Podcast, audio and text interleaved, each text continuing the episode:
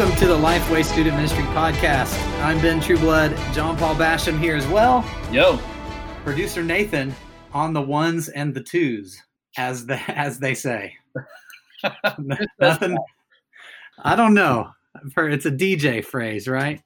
yeah, you got one turntable, two turntable. I think that's how it goes. Yeah, we'll have to have a DJ on and ask that question at some point. But we're glad to be with you for another episode of the podcast. I want to tell you about something that is coming up that is going to be really awesome for you, and that is the Launch 2020 conference for you, the youth pastor. It is absolutely free. It's going to be through the Student Ministry That Matters YouTube channel. So you can head over there.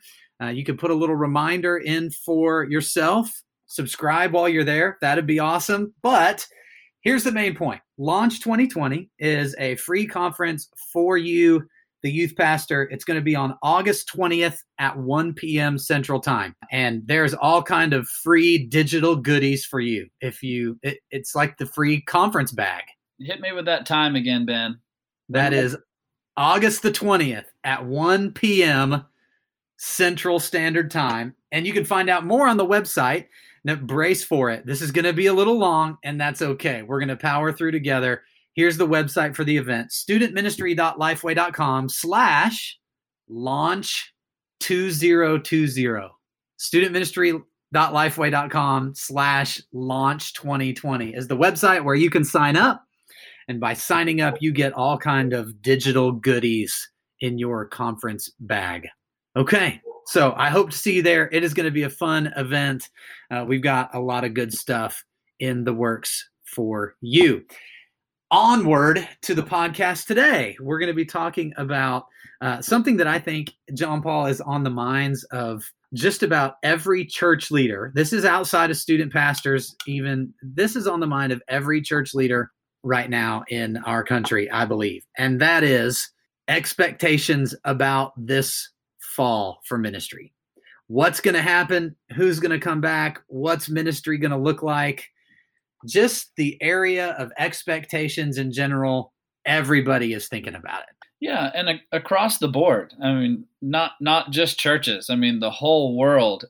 I fully expected to be back in the Lifeway building by now, Yes. and to be back in a in a regular swing of life in general. And now we're looking at my kids probably aren't even going to school, and I was pretty excited about having them three three of them out of the house in some kind of school this fall. So now, I mean, people are looking at homeschool, churches are looking at still meeting only to a certain degree, and that's affecting small groups. And I mean, even just volunteers like what? How available are your volunteers going to be for things that you do when they're having to do school with their kids at home? And there's a lot up in the air.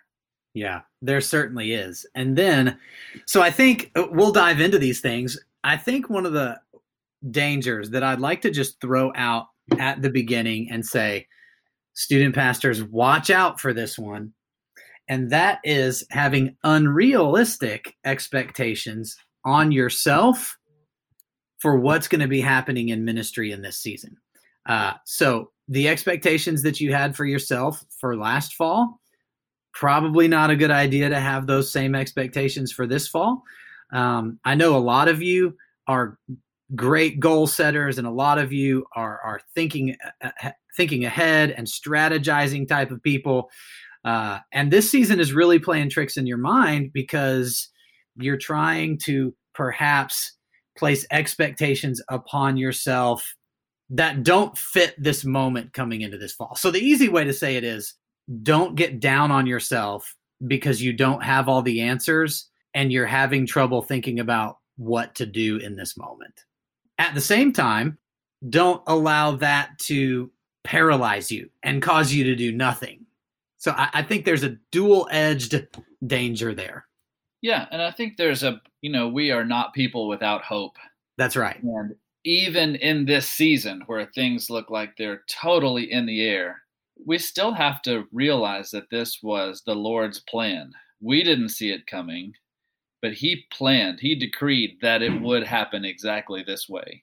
So, if this is part of his plan, there are very good and holy things that are to be done and accomplished in the middle of this. And so, it's easy to say, gosh, I, you know what? I'm throwing my hands up. I can't do ministry. I'm totally, you know, got my hands tied behind my back here. And so we're just going to cruise. But the truth is that there's still a call to do ministry and to proclaim his name and to disciple the people that God has made you the steward over.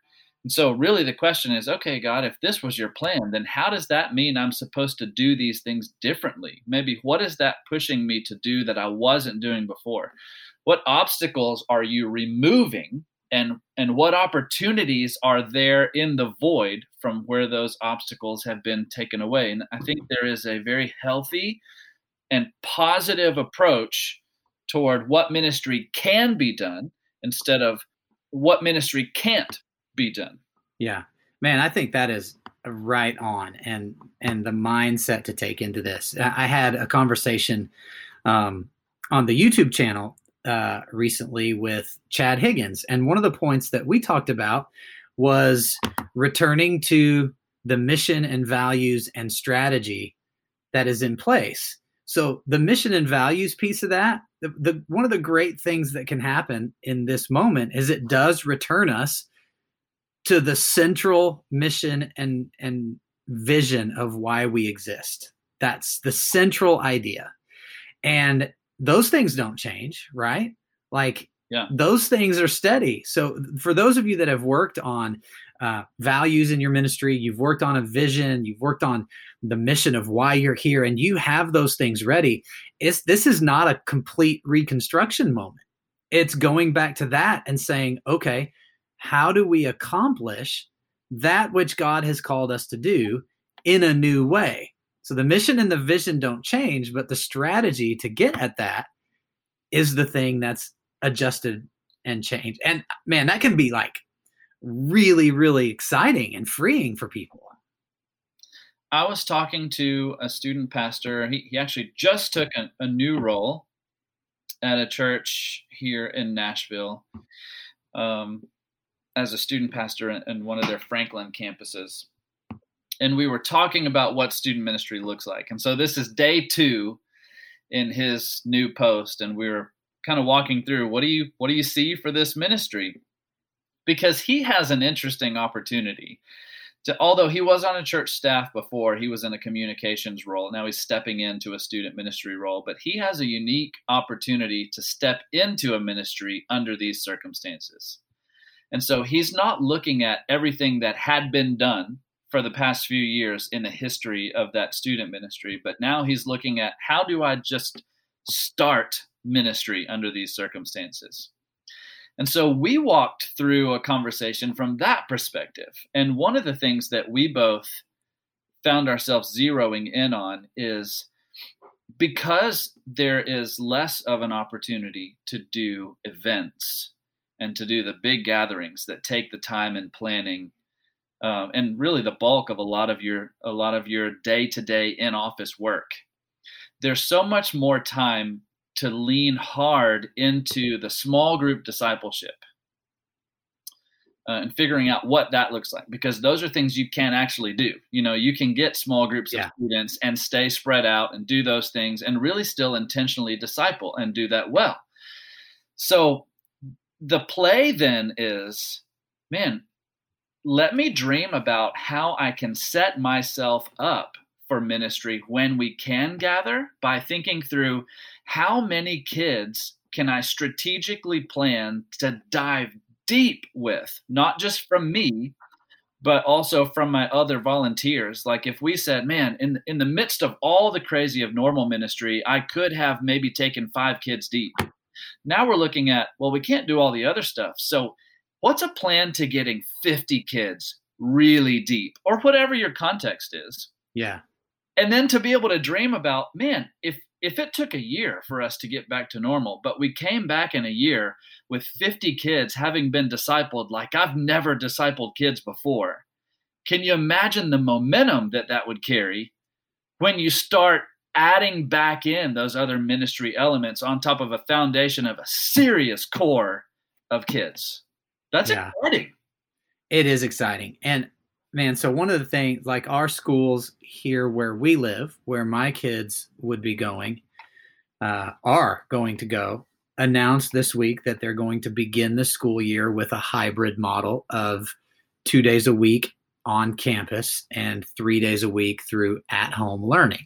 In a church setting, just think about so like our church at the same time has not said when they're going to return to wednesday night activities.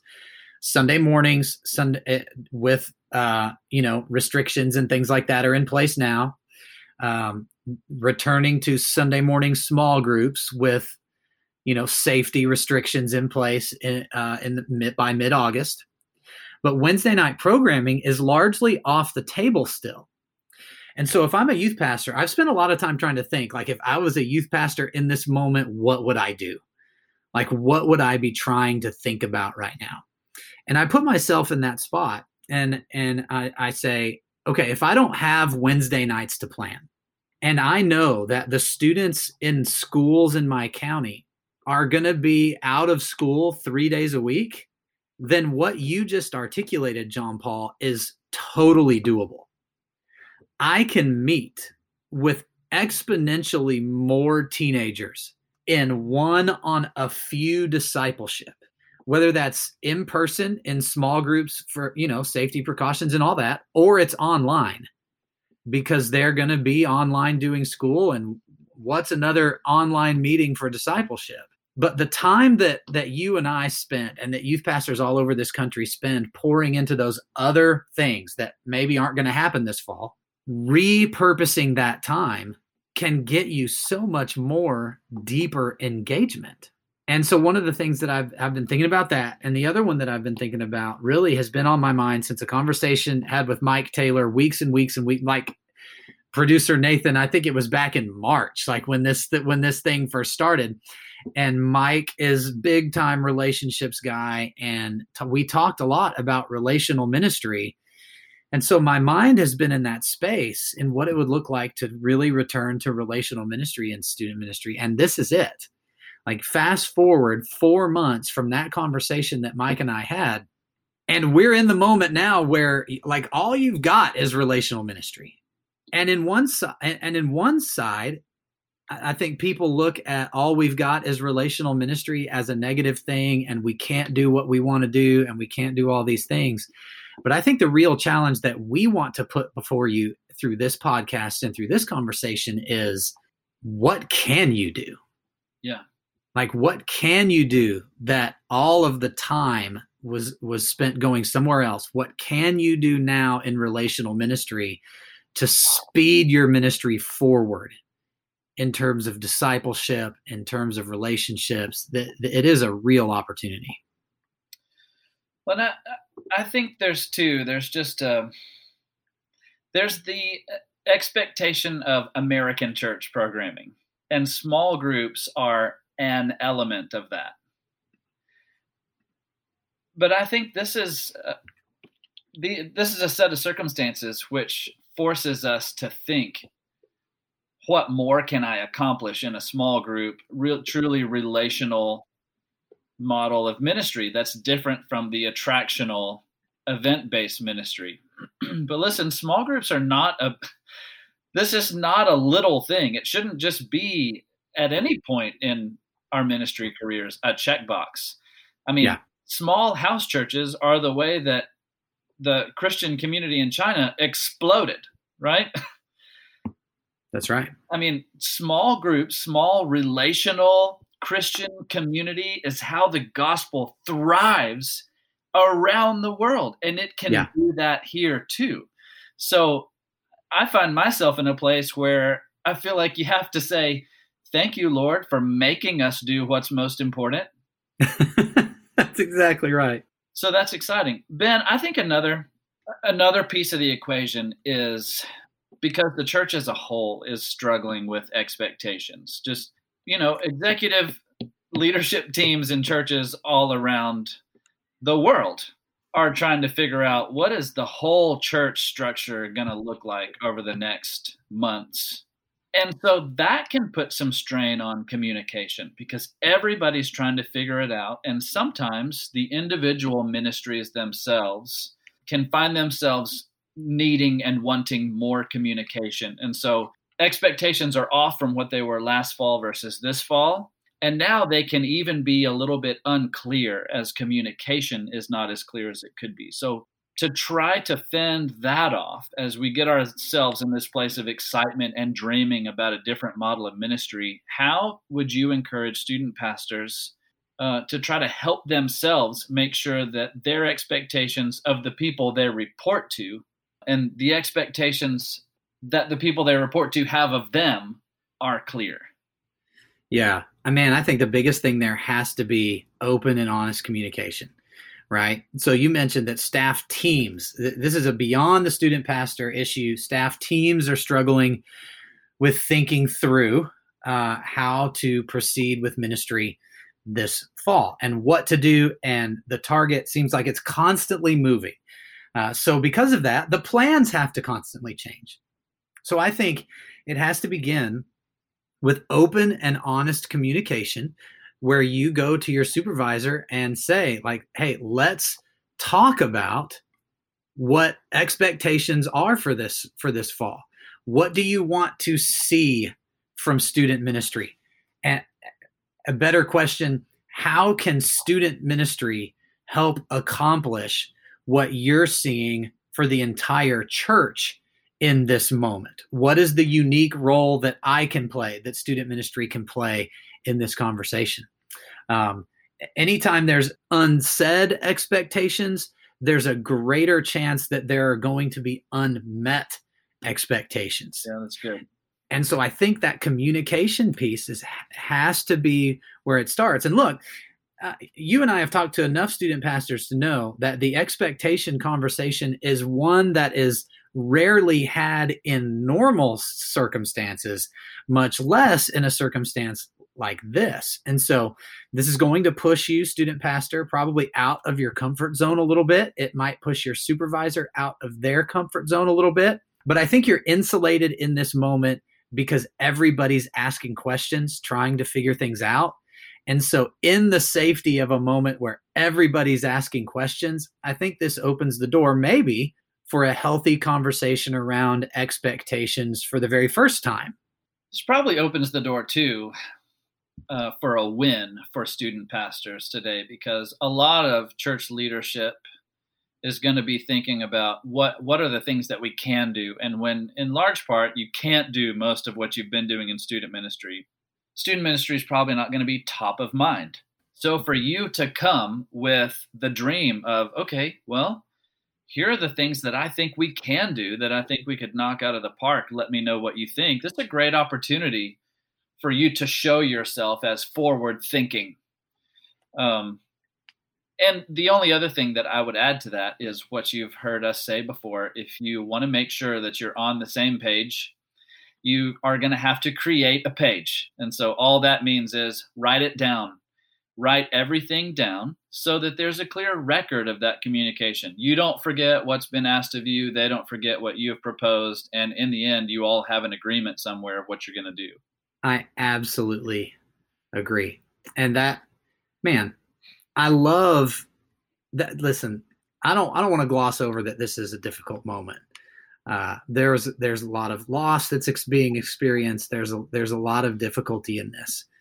But in ministry, like we talked about just a moment ago, this moment can provide you as the student pastor an opportunity to to build a lot of foundation and framework for future ministry in relationship and discipleship with your students. And it can also provide an opportunity for you to build foundation and framework for future relationship with those who are in supervisory positions with you. Like this moment can really be a foundation construction moment for opportunities and effectiveness in ministry from this point forward. And I think that's the approach in this moment. Totally agree. This has been an episode of the Lifeway Student Ministry Podcast. We will see you next time.